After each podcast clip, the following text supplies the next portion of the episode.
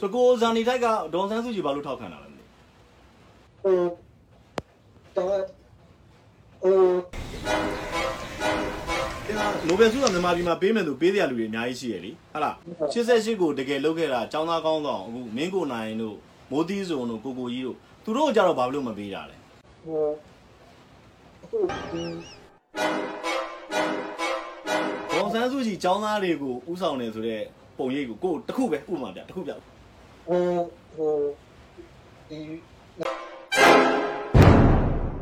ဒေါ်ဆန်းစုကြည်မြန်မာပြည်မလာခင်တုန်းကမြန်မာနိုင်ငံအတွက်လုပ်ခဲ့တာလေးတခုလောက်ငါ့ညီကိုကိုပြနိုင်တယ်ဟိုအဲ့တော့ဟိုဗါလဲအဲ့တော့ငါညီအမေရိကန်မှာအခုဘယ်လိုဖြစ်နေငါညီတွေ့ပါတယ်နော်ဒါဆိုရင်အမေရိကန်မှာဒါဆိုရင်နိုဘယ်ဆုတစ်ယောက်ရတော့မယ်ဆိုတဲ့သဘောဖြစ်မလားမသိဘူးဟမ်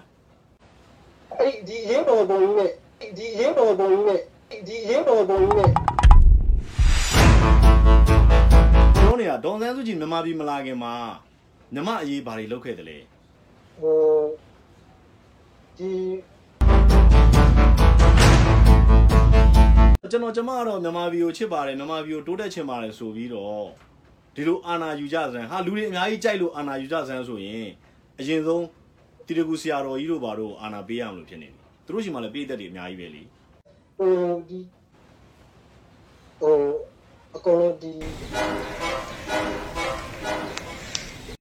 လူတို့ထောက်ခံမှုကိုကိုတို့လက်ခံတယ်နော်ဒါကိုကိုတို့အတိအမှတ်ပြုတယ်အတိအမှတ်ပြုရမယ်ဒါပေမဲ့မြန်မာနိုင်ငံရေးနဲ့လုံးဝ family ကမဖြစ်ဘူးဆိုတာကိုလည်းအတိအမှတ်ပြုရမယ်ငုံသေးရငုံသေးရငုံသေးရ ဒေါ်ဆန်းစုကြည်လည်းဗော်ကျော်အောင်ဆန်းကိုခုနှင်းဖြစ်တယ်ဟိုတရားတွေလမ်းနေတော့ဗော်ကျော်လမ်းဗော်ကျော်တရားလို့လုပ်တယ်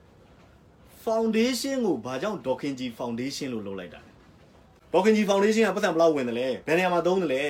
ဘယ်ကဘယ်သူတွေကပတ်စံပေးနေတယ်လဲဟိုဒီဟိုဒီငါညီကျော်ကဒေါ်ဆန်းစုကြည်ကိုဘာကိုကြိုက်တာလဲဆိုတော့ကိုကအဲ့ဒါကိုမေးတာငါညီမသိဘူးကိုပြောပြမယ်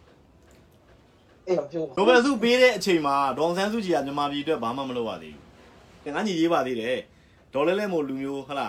တင်းနိုင်တိုင်းမှာရတာဟလာအရန်တင်းလိုက်သားတွေကန်ကောင်းတယ်လို့ပါတော့ငါညီရေးလိုက်ပါသေးတယ်နော်ဒါတွေဟုတ်တယ်ကိုတို့သိပါဟိုကျွန်တော်ဟိုဟို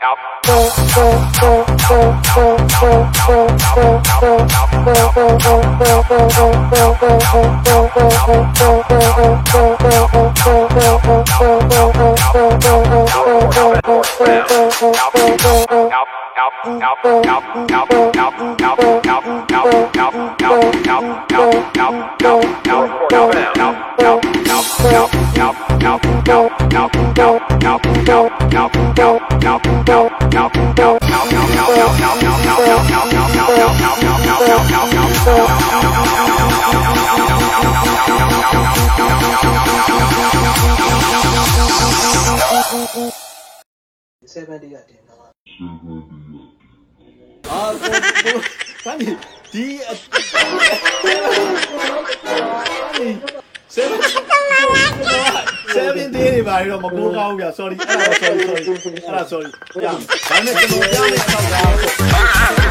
က